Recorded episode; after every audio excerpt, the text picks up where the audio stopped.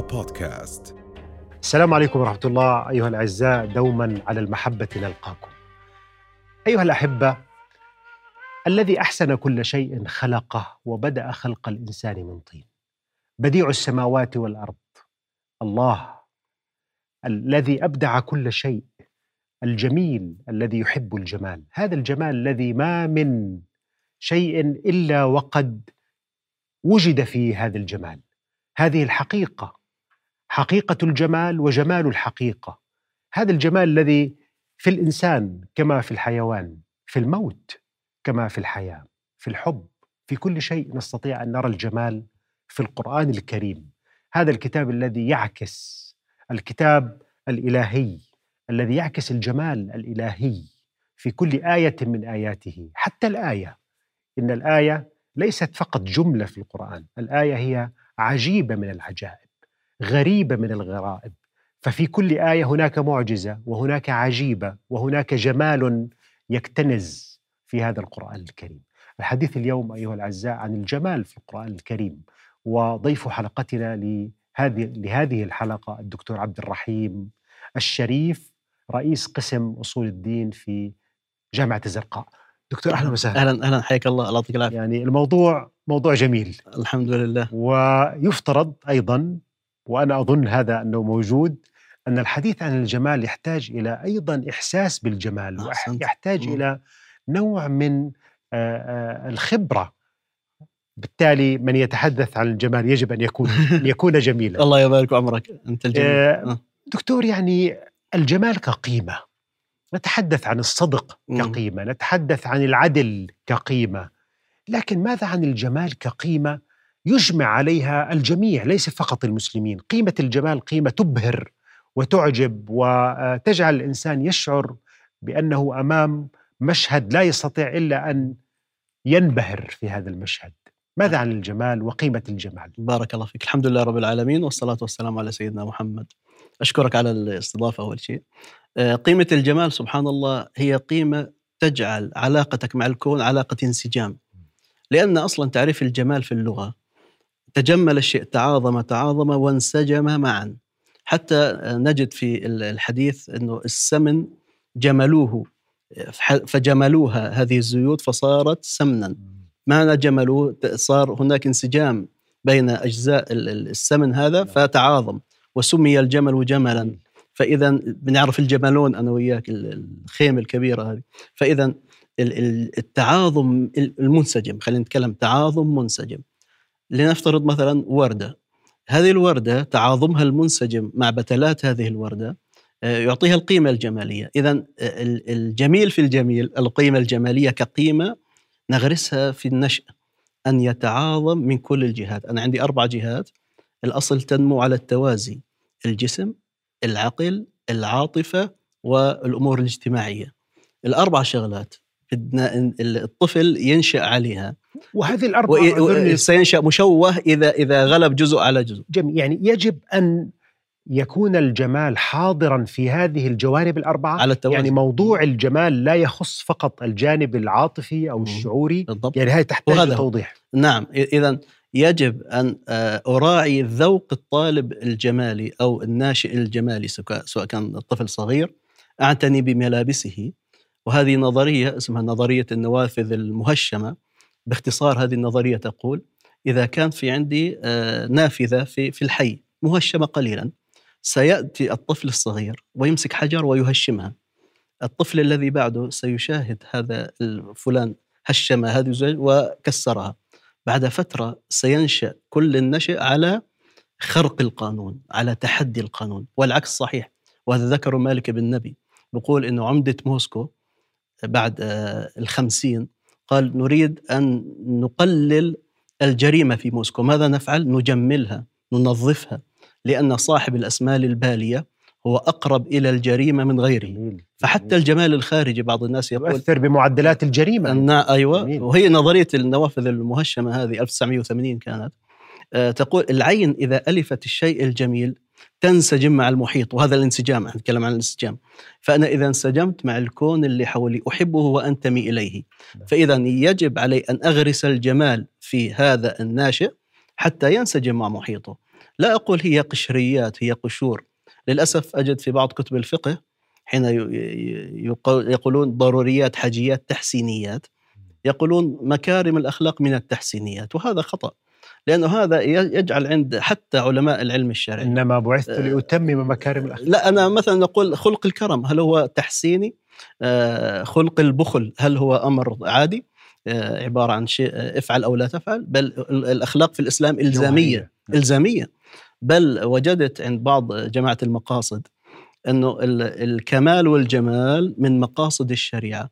وأتحدى أي آه، أمر تشريعي إلا تجد ماشي على التوازي. جميل. الجمال يعني حتى, والكمال. حتى في مقاصد الشريعة المقاصديون نعم. اذا صح التعبير مثل الشاطبي رحمه الله وغيره اهتموا بموضوع الجمال؟ جدا. يعني و- هل من أمثلة أخرى توضح؟ لأنه فكرة جميلة الحقيقة إنه يعني نتوقع نحن انه موضوع الجمال يمكن الصوفية يحكوا عنه يمكن والله نعم. المعماريون في آه. المعمار يحكوا عنه يمكن بعض البلاغة والتراكيب البلاغية آه، التفاسير البلاغية اللغوية تتكلم عن جمالية اللفظ نعم. جمالية التعبير القرآني. لكن الجمال عند المقاصديين وفي مقاصد الشريعة كيف؟ يعني لو نعطي مثال آخر. نعم آه، من الجمال المقاصدي ما ذكره ياقوت الحموي في آه، تاريخ دمشق في معجم البلدان باب دمشق. ذكر عن عمر بن عبد العزيز. عمر بن عبد العزيز معروف أنه عنده تقشف. نعم. ومن شاهد المسجد الأموي برسومه البديعة جدا. المسجد الأموي فيه رسوم فسيفسائية بديعة. نعم. وكان عمر بن عبد العزيز من المتقشفين. فخطر في باله أنه يجعل زي قصارة بيضاء على هذه يغطيها يغطي الفسيفساء هذا. وفعلا خلص يعني عزم على الموضوع. ولكن تجار دمشق كان عندهم شيء من الحساسية. آه، من عادة عمر بن عبد العزيز كما يقول ياقوت الحموي أنه يجعل بعض جواسيس له يستمع للسياح الأجانب. إيش بي- بيحكوا مع بعض. فبيقول اكتشف سائحين من الروم أجانب بيحكوا مع بعض بلغتهم وهم شايفين النقوش البديعة هذه. كانوا يقولوا كنا نظن أن العرب قادمين من الصحراء خلف الجمال. طبعا حكوا عبارة شوي أبشع بس إحنا بنلطفها شوي. جاي من وراء الجمال. فناس يرسموا هذه الرسمات ناس فعلا عباقرة. ناس فعلا إحنا مش قدهم. فغير عمر عبد العزيز. غير قناعته. عجيب. قال كنت قد هممت بهذا لكن حين سمعت أن الروم عظمتكم لأجل هذه ال- الأمور الجمالية أبقيتها. طب دكتور أنت أيضا لفت انتباهي الحقيقة ل يمكن محور ما كنتش أو موضوع ما كنتش قد. يعني فكرت في في هذه الحلقة على الأقل إنه هناك من يقول إنه عدم السماح أو تحريم عدد من الفقهاء، نحن نعرف إنه ليس جميع الفقهاء حرموا الرسم أو. الفن والنحت نعم. إنه كان له أثر سلبي على الإحساس الجمالي. يعني إلى أي مدى فعلا الانسان الطفل عندما لا تعوده كيف يرسم الورود، يرسم الطيور، إنه هل هذا يمكن أن يؤثر سلبيا دكتور؟ آه نعم هو الانسجام مع المحيط نرجع للانسجام بالضبط حين آه أقول له أرسم سيارة بجانبها شجرة مثلا انظر إلى الأبعاد الآن. هنا هنا موضوع التقدير. حجم الشجرة بالنسبة لحجم السيارة كم؟ حجم الطفل بالنسبة لحجم كذا. هذا يعلم على الابتكار يعلم. على التناسب. آه، ممكن ممكن أنت تقول لابنك ارسمني يرسمك عبوس. معناه هو كيف شايفك؟ يرسم آه، والدته مثلا معها عصا. معناه إيش شايف والدته؟ نعم. اذا الطريقة اللي يعبر فيها عن نفسه أنا سمحت له بذلك. وبالتالي قلت له أط- أطلق إبداعاتك. جميل. إذا قلت له أطلق إبداعاتك فأنا نميتها ثم اكتشفت أشياء لا يستطيع أن يخبئها. اذا الرسم الإبداع هذا يعبر عن الروح وهذا ما ذكره ابن القيم في كتاب روضة المحبين. أنصح بقراءته لجماعة الجمال. يقول ابن القيم في روضة المحبين الجمال نوعين خارجي وداخلي. الجمال الخارجي لا يمكن إلا تؤثر فيه عو- عوامل الطبيعة فيموت بعد فترة يندثر يمرض يتلف. لكن الجمال الداخلي أتحدى أن يتلف. جميل. ال- مرة ثانية إذا ابنك عودته على الرسم عودته يعبر عما في قلبه أنت عززت قيمة جمالية فيه اللي هي قيمة الشورى جميل. قيمة تقدير الذات قيمة إنه نعم هذه رسمه ممتازة وهكذا. دكتور يعني الإحساس بالجمال هل هو فطري؟ أم أنه يمكن أن يكون هناك تربية نعم. جمالية وننمي هذا الحس عندنا ويصبح يصبح ذوقا واحساسا اجتماعيا مم. نحب هذا الجمال نرتقي بأنفسنا شيئا فشيئا اذا السؤال الجوهري هل الإحساس بالجمال فطري أم أنه يمكن تعلمه واكتسابه طبعا هو آه، كل مهارات الإنسان جزء منها آه، يبدأ مع الطفل ثم يعزز أو آه، يطمس. يطمس. مثل القيادة مش من طفولته قيادي لكن لما الآن نأخذ مثلا موضوع المعيارية. نعم. هل الجمال آه، معيار معيار ثابت؟ نسأل ضفدعا أجلكم الله في مستنقع. نعم. ما معيار الجمال عندك؟ يقول مكان فيه طين وذباب. نعم. فإذا وضعته في كرسي لطيف وحريري وكذا يقول لك هذا قبيح ليس بجميل. نعم. الآن آه، كيف أستطيع أنه هذا النشء أن أعزز فيه الجمال؟ آه، أنا أقول ال- الجمال هو السعي نحو الكمال اللائق بمثلك. سعيك نحو الكمال اللائق بمثلك. نعم. فالمطلوب من الطفل حتى يكون جميل في عمر أربع سنوات إنه يلعب بالطين شوي يوسخ حاله معلش هذا جمال لائق بمثله أبو الأربع سنوات. لعب بالمعجون وسخ الأرض معلش ليش الأم تزعل؟ لأنه أبو الأربع سنوات هذا الجمال اللائق بمثله الكمال اللائق بمثله. لما يصير عمره 18 سنة لا بس محلوش يوسخ على الأرض. خلص أنت شو الكمال اللائق بمثلك في عمرك؟ فإذا معيار الجمال مربوط بكمال اللائق بمثلك. نعم. والله المثل الأعلى. الله عز وجل في كل شيء هو الكامل فمعيار الكمال عند الله سبحانه وتعالى هو كل شيء. الآن ورد عن الرسول صلى الله عليه وسلم كمل من الرجال كثير نعم. طيب كيف كمل من الرجال كثير مع أن الله عاتب كثيرا من الأنبياء؟ الجواب نعم. الكمال اللائق بالأنبياء هذا هذا حده. الكمال اللائق بالصحابة هذا هو. الكمال اللائق بأمثالي وأمثالك هذا هو. لا قد يكون 70% يكفي. يعني دكتور أنت تتحدث عن نوع من النسبية إن صح أيوة. التعبير وبالتالي إحنا على قدر الوسع البشري قد ما بنقدر إحنا نحصل نعم. من الجمال فيكون ذلك بقدر ما هو مناسب لأعمارنا لمعرفتنا والبيئة ل- أيضا لكن بنفس الوقت يوجد تباين مم. يعني ممكن أسرة واحدة الأم والأب نفس الأم والأب لكن نجد الحس الجمالي متباين عند الأبناء نفسهم. صحيح. يعني هل هناك شيء خاص؟ يعني هبة خاصة من الله ذوق. خاص يختلف به الإنسان. التربية واحدة التعليم واحد لكن نجد أن هناك تفاوت في هذا الإحساس بالجمال. آه هذا ما يسمى أنماط الشخصية أربعة في أربعة 16 بيطلعوا. فأنت أستاذنا فيها يعني. فموضوع أنماط الشخصية آه هل الأفضل في الزواج التكامل أم التوافق؟ آه إذا قلنا واحد مزيح كثير تزوج واحدة مزيحة كثير شو بيطلع أولادهم؟ واحد. كشر كثير وزوج واحدة كشر كثير. قال يا عمي هذا توافق لا مش توافق. ال- نرجع ل- ل- لفكرة أنه أسمح له بنمط شخصيته. إذا نمط شخصيته انطوائي آخذ جمالية الشخصية الانطوائية وأحذر من سلبيتها. إذا عكسه أخذ توأم شخصيته اجتماعية أقول له رائع في الشخصية الاجتماعية واحد اثنين ثلاث لكن من سلبياتها كذا. بصير هو أخذ توأم تكامل. مثلا آه، أنا لأنه شخصيتي انطوائية بدرس لحالي في الغرفة. أخوي التوأم شخصيته اجتماعية بيعرفش يدرس إلا مع واحد. الله أكبر أخوك درس وجاب 90 لأنه درس لحاله. لا تدرس مع واحد يعني ما بقدر. جميل. أنا بحب اللون الأزرق هذا بحب اللون الأحمر. هل تقصد هذا التكامل تقصد السلع ولا لبارة ان أن التباين في الإحساس بالجمال يجعلنا نكتشف مساحات نعم. لا نعرفها عن الجمال وبالتالي هو أيضا جميل. بالضبط. والتنوع. اذا اذا أجمل ما في الحج تنوعه أجمل ما في حديقة الزهور عدة الأشكال. حتى نجد في جماعة الديكور أو التصميم الداخلي بيقول لك اكسر هذا اللون. آه، مثلا يصور آه، مثلا منيو طعام أو كذا بقول له لا اكسر شوية الألوان بكذا. فاذا جميل. آه، موضوع نسبية الجمال. لا يجوز أن هناك دكتاتورية عند الوالدين. أنا أسمح لابني بهامش من الإبداع. قد يكتشف أشياء لا أنا لا أعرفها وفوق كل ذي علم عليم. جميل. أنا أربي أبنائي على ما رباني عليه أبي وأبي رباني على ما رباني عليه أبوه طيب لكن زماني غير زمانه. جميل. معيار الجمال دكتور عبد الرحيم ولله الأسماء الحسنى فادعوه بها. الحسنى يعني الجميلة مهم. وحتى الجنة اسمها الحسنى يعني الجميلة. مم. فدعنا نبدأ من أسماء الله الحسنى. الجمال وأنت تعرف إنه حتى من صنف الأسماء الحسنى إلى أسماء جمالية وأسماء جلالية. صحيح. وحتى هناك من يقول من الصوفية أنه في الأسماء الجلالية جمال. فحتى في الجبار هناك جمال. مم. كيف نستلهم معنى الجمال من هذا الجمال الإلهي؟ إلى أي مدى يؤثر هذا المفهوم الإيماني الإسلامي الإيماني العميق للجمال الله الجميل. وهناك من العلماء من قال أن اسم الجميل هو من أسماء الله الحسنى. نعم آه. أريد أن أتوقف معك دكتور وأنت أستاذ في التفسير.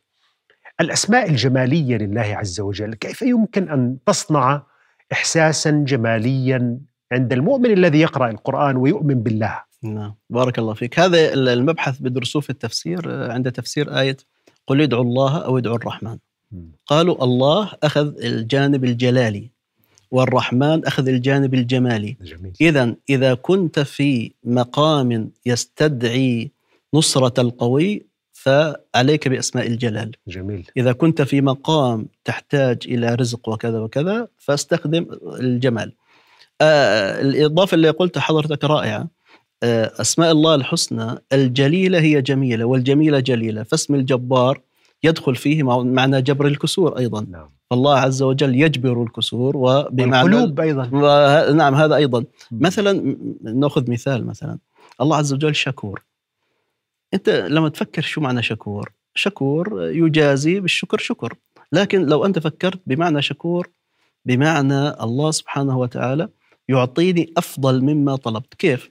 خلينا نتخيل بنت صغيرة طفلة راحت عند بائع حلويات. حكى لها بائع الحلويات اقبضي قبضة مجانا من من من هذه الحلويات. واعطيني إياها. سأعطيها بقبضتي أنا الكبيرة عشر أضعاف. إذا كانت هذه البنت آه، مثلا من نوع البخيل تقبض هذه القبضة وتهرب. لكن إذا كانت تؤمن بأنه يقول الحق وأصدق بأن ما يقول الحق أقبض قبضة بيدي لأن الحلويات منه أصلا وأعطيها له على أمل إنه يعطيني بكرة أو بعد بكرة بقبضته الكبيرة عشر مم. أضعاف ولله المثل الأعلى. اذا ما معنى الله الشكور؟ يجازي على العبادة الصغيرة الأشياء الكثيرة. جميل هذه تستطيع أن تفكر فيها من الجهتين جمال وجلال. فجلال هذا ال- العطاء من الله أكساه جمالا وهذا الجمال من الله غير محدود فهو جليل. فاذا آه، التفريق ما في تفريق أحد بل كل أسماء الله الحسنى بالتعبير الصوفي هذا جليلة وجميلة في آن على التوازي. صعب مخلوق يكون جليل وجميل صعب جدا لكن الله عز وجل فوق كل ذلك ما خطر على بالك فالله فوق. ذلك يعني دكتور ال- الحديث النبوي رواه الإمام مسلم وغيره طبعا إن الله جميل يحب الجمال يعني الجميل يجب أن يحب الجمال. يعني لو نزلنا بهذا الحديث من مقام الألوهية إلى مقام البشرية والناسوتية إذا صح التعبير. فعلى قدر جمالك يجب أن تقدر الجمال صح. هل يمكن أن نستلهم من معنى هذا الحديث النبوي. أن ال- ال- الذي يقدر الجمال ويشعر بالجمال أكثر هو الذي يملك حقيقة الجمال. نعم آه، وهذا أصلا ال- سبب ورود الحديث أن الأشج بن عبد القيس آه، سمع الرسول صلى الله عليه وسلم آه، يذم المتكبرين. فقال إن أنا أحب أن يكون نعلي حسنا وثوبي حسنا. جميل. فأخبره ب- ب- بالحديث المتن اللي ذكرته حضرتك إن الله جميل يحب الجمال. بل ورد أصلا انه الرسول صلى الله عليه وسلم جاءه شخص وكان رث الهيئة فقال له هل لك مال؟ قال له نعم. قالوا من أي نوع؟ قال من كل الأنواع قال سبحان الله الله عز وجل يحب أن يرى أثر نعمته عليك الله سبحانه وتعالى ولله المثل الأعلى أشبه مثلا بشخص أعطاك هدية تجد لمعة في عينه يريد أن يراقب كيف فتحت الهدية مم. يفرح إذا أنت استخدمت هديته ولكن إذا أنت مسكت هديته ورميتها شو بيعمل؟ بتضايق آه. طيب أنا مسكت الساعة اللي هديتني إياها ولبستها. وهل جزاء الاحسان الا؟ أيوه اذا الله سبحانه وتعالى يحب أن يرى أثر نعمته على عبده. جميل. ولذلك الله سبحانه وتعالى في سورة الضحى وأما بنعمة ربك فحدث. اذا يا محمد صلى الله عليه وسلم مطلوب منك أن تحدث بما أنعم الله به عليك. ولذلك ورد انه سيدنا ابن عباس رضي الله عنهما كان يتجمل لزوجته ويقول أحب أن أتزين لها كما تتزين لي. عكس الثقافة السائده اللي بتقول فقط المرأة. الرجل ما بيعيب شيء. بل حتى محمد بن الحسن الشيباني آه، صاحب الإمام أبو حنيفة آه، كان يقول أمر أشد من ذلك. كان يقول أنا أغار على زوجتي أن ترى غيري أجمل مني. عجيب. شو- شوف الفهم الرائع هذا. والله عجيب. فقال أنا كبير. آه آه قال أنا آه لا أريد أن زوجتي ترى أحد أجمل مني. فكان يعني يتجمل كثيرا أكثر من تجمله خارج والله هذا بيته. رجل زوجته محظوظة. نعم. لأنه عنده هذا الحس الجمالي العميق. وسيدنا الشافعي مدحه أصلا. قال نعم. لم أجد سمينا ظريفا مثل محمد بن حسن. هو سمين كانت وظريف روحه جميلة. آه نعم. الحقيقة دكتور عبد الرحيم أريد أن أنتقل إلى سؤال آخر. جمال المخلوقات. لا شك أن جمال الخالق لا ريب فيه. هذا الوجود بجماله بروعته لا يخلقه إلا جميل. لكن هذا العالم هل هذا العالم جميل؟ هل هذه المخلوقات جميلة كلها؟ ألا يمكن أن نقول بأن الله الذي أحسن كل شيء خلقه؟ أن كل شيء جميل في الأصل وأن الجمال ليس هو في الخلق وإنما هو في التصرف والسلوك. إذا هل كل ما خلق الله جميل؟ أين الشر؟ ألا يوجد قبح في هذا العالم؟ كيف نفهم معنى القبح في ظل هذا الجمال الذي أصبح شاملا لكل الوجود إذا كان الوجود كله من خلق الله والله هو الجميل وأحسن كل شيء خلقه وكأن القبح لم يعد موجودا. لكن هناك نوع من القبح كيف نفهم هذه المعاني؟ نعم ورد في حديث الرسول صلى الله عليه وسلم أن الرسول عليه الصلاة والسلام قال والشر ليس إليك. فالعلماء طبعا نترك موضوع المعتزلة وكذا ونسبة الشر إلى الله لكن العلماء قالوا الشر المطلق. الله لم يخلق شرا مطلقا. البكتيريا لها فائدة لها وظيفتها في الكون. لو ما في بكتيريا كان خربت الدنيا. نعم. لو أنا ما مرضت وعمي ما مرض وخالي ما مرض والناس ما توفت ماذا سيصبح في مجمل الحياة على الأرض؟ آه، الله سبحانه وتعالى خلق الإنسان في أحسن تقويم. أحسن تقويم معناه أعدله مش بالضرورة انتصاب القامة. نحن نتكلم عن آه، الله عز وجل يمدح العقل. بهذا العقل آه، فضل الله الإنسان على غيره. وأيضا هذا العقل إذا لم يؤثر في السلوك فصار هذا العقل آه، سب على صاحبه. مثلا شوف الله عز وجل استخدم مصطلح الجمال آه، فصبري آه، سيدنا يعقوب. فصبر جميل. أي قال العلماء فصبري صبر جميل. لما يعقوب قال فصبري صبر جميل. طب شو دخل الصبر بالجمال؟ صبري صبر جميل. نعم. فقالوا آه، نرجع لتعريف الجمال. ال- الجمال هو تناسق الأشياء وتراكمها مع بعض حتى تصل إلى الكمال اللائق بمثلها. آه إذا ولي الأمر الأب. إذا بكى أمام أبنائه كارثة. لأنه الأب هو السند اللي بيحمي ولاده. أنا صبري جميل أي صبر بدون بكاء أمامكم بدون شكوى أمامكم. جميل.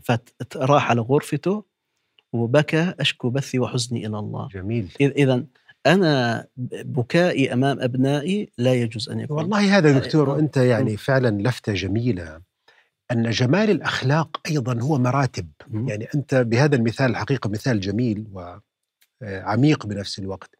الآية القرآنية الثانية التي تقول فاصفح الصفحة الجميل نعم يعني هناك من الناس من يصفح عنك بطريقة قبيحة. بقول لك أنا عفوت عنك وبكشر بوجهه بقول لك عفوت. يا ريت هذه يعني يا ريت ما حكاش يعني. لا يعني مثلا مثلا لا سمح الله عمل حادث سياره.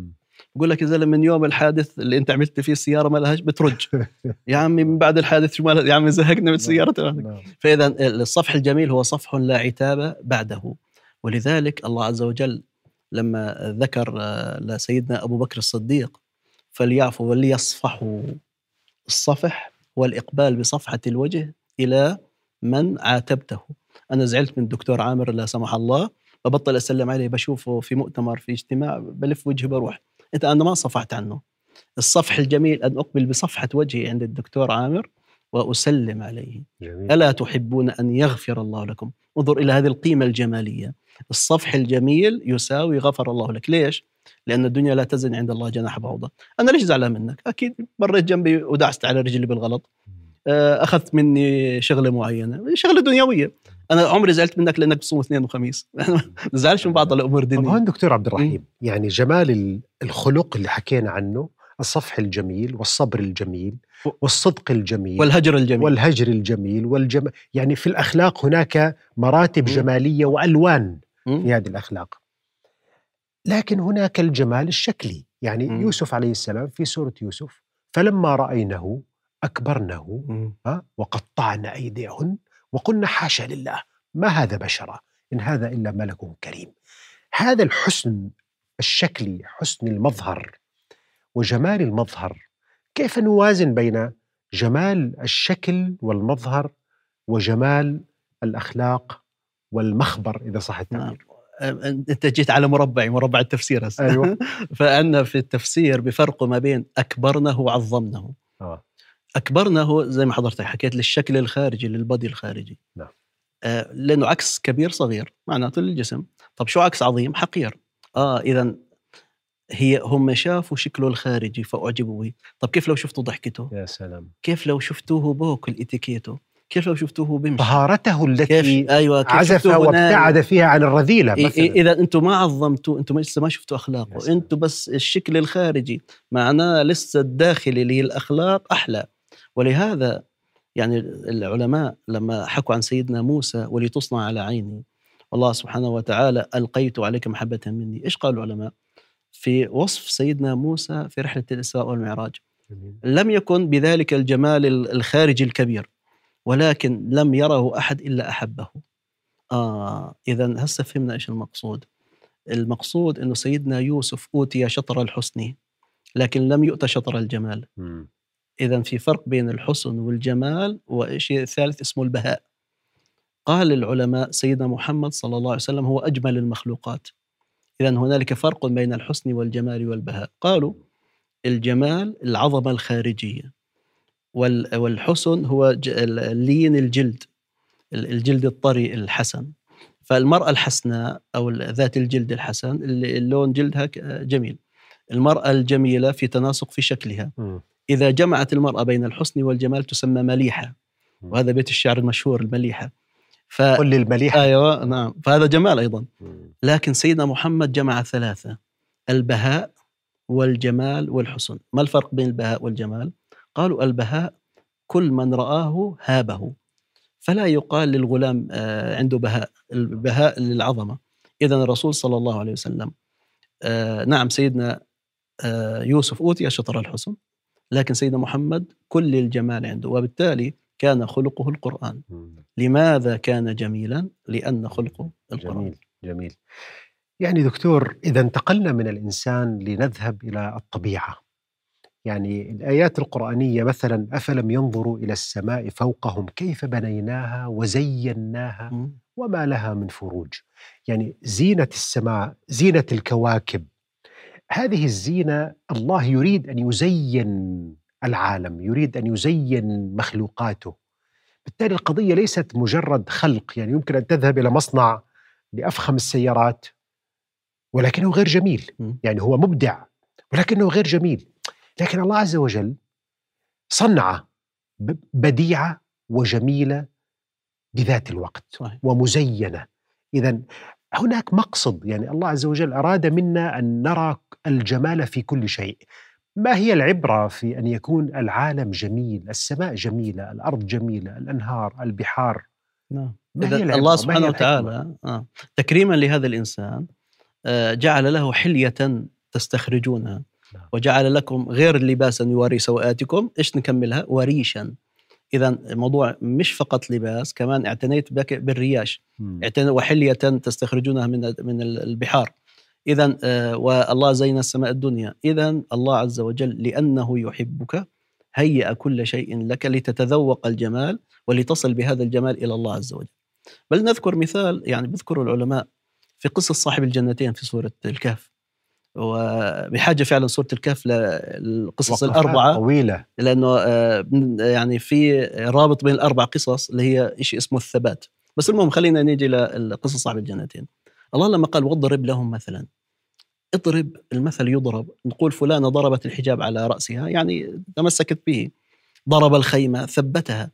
اذا آه، قصة صاحب الجنتين لا تقرأها قراءة سريعة. بل اقرأ كل تفاصيلها. طب ربنا شو ذكر؟ ما ذكر اسمائهم ولكن ذكر زمنهم شو ذكر؟ ذكر إنه ال- المزرعة اللي هو فيها فيها وحففناهما بنخل.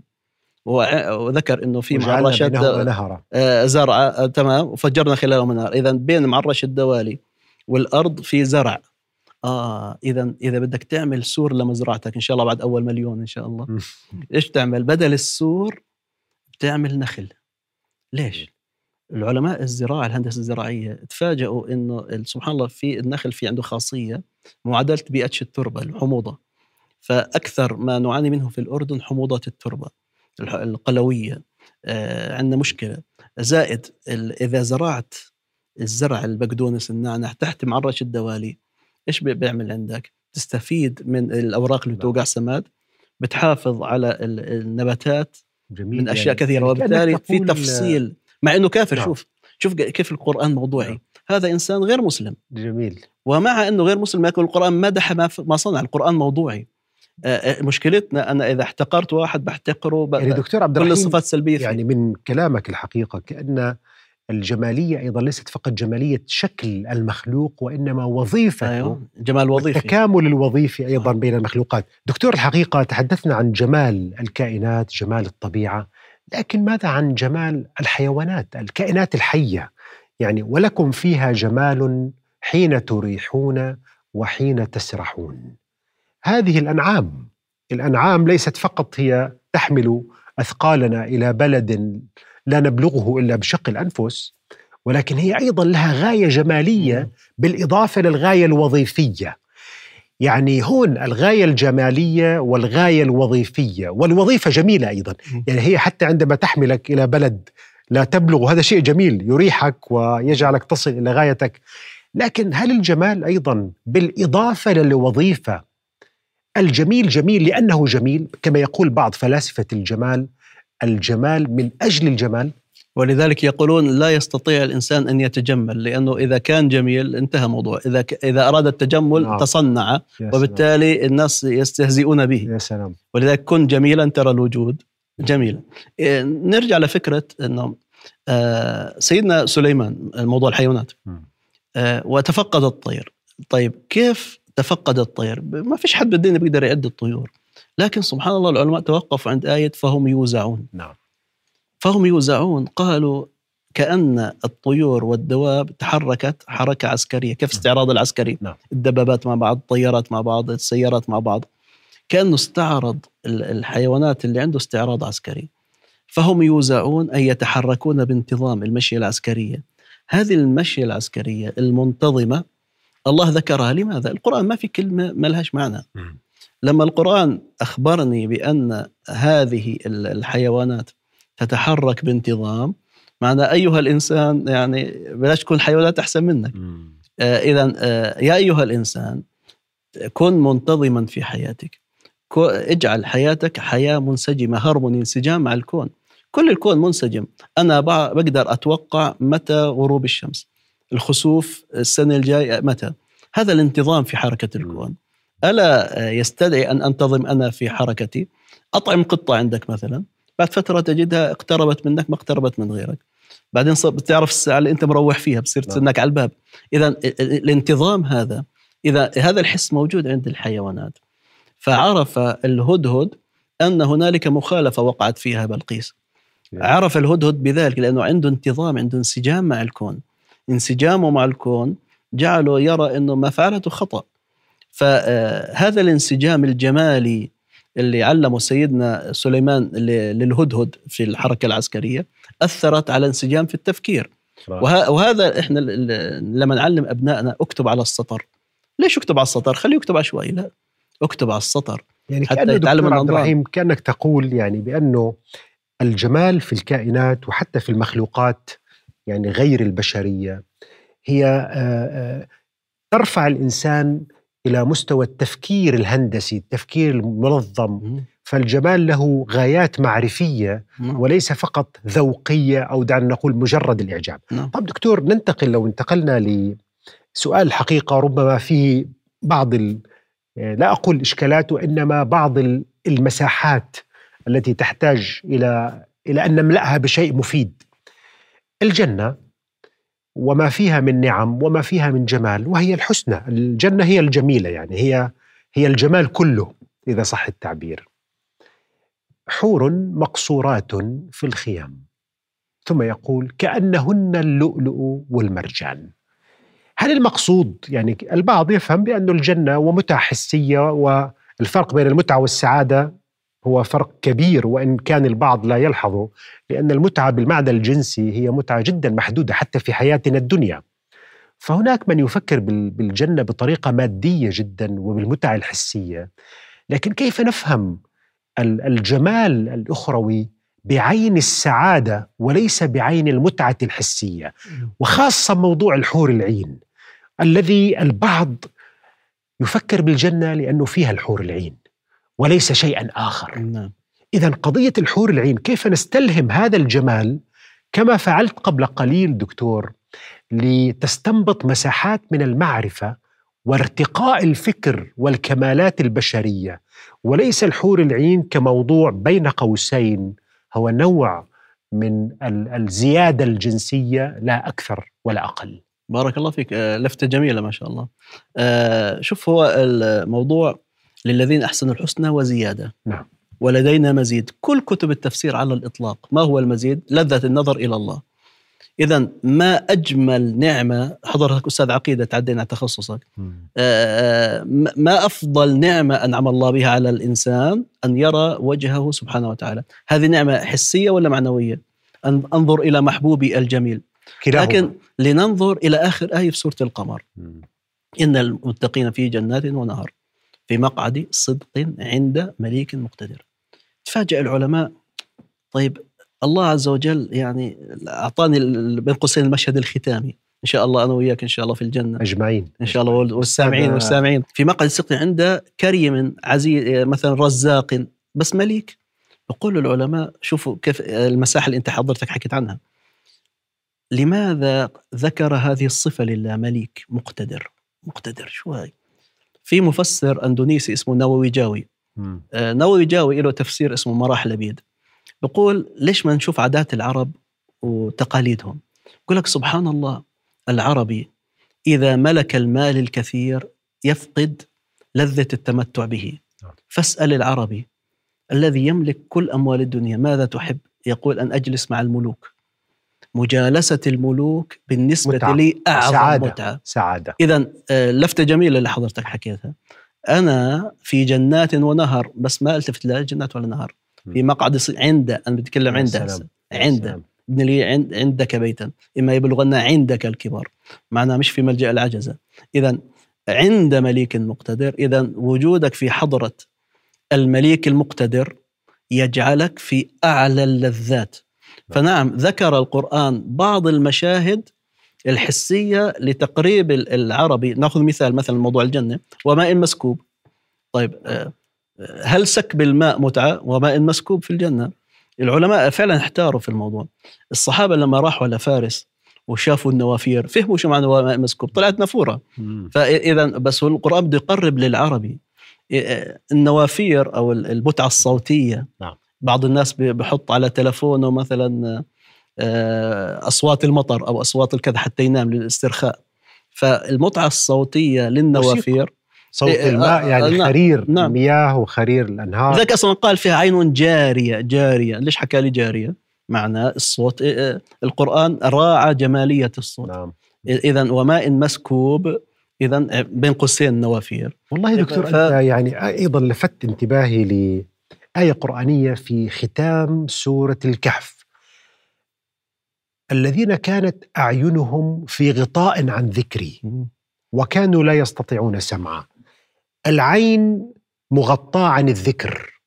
الذكر يحتاج إلى يعني كأنه هيك المعنى العام إلى صوت. وبالتالي الشأن أقرب إلى السمع لكن العين تذكر والأذن تذكر وكل شيء له نصيبه من الذكر. هل نستطيع أن نقول بأن الجمال يتوزع على الإحساس البشري؟ صحيح. والحواس البشرية كلها نعم. له نصيبها كل جزء صحيح. من الإنسان له نصيبه من الجمال. بارك الله فيك. صحيح. ولذلك أصلا آه، الله عز وجل لما ضرب على آذان فتية الكهف قالوا حتى لا يسمعوا الذئب. ولا نباح الكلب. يعني راعى الله عز وجل للنائمين من آه، الأتقياء الأصفياء هذا الشيء. بل في شيء ملحظ أجمل من هذا. يقول العلماء نتحدى آية ختمت بحرف الخاء أو حرف الغين ما في. والسبب؟ السبب إنه أبشع حرفين في المخارج الصفات. آه. أجمل حرفين في مخارج الصفات النون والميم.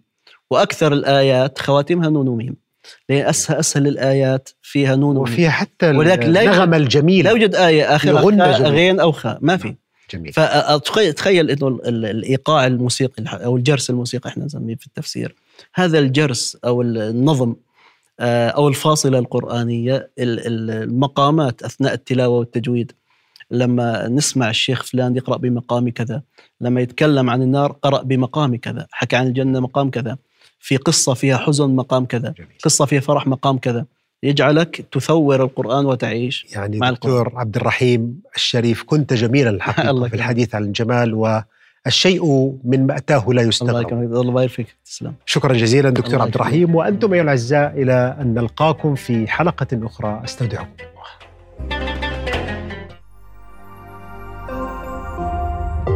رؤيا بودكاست.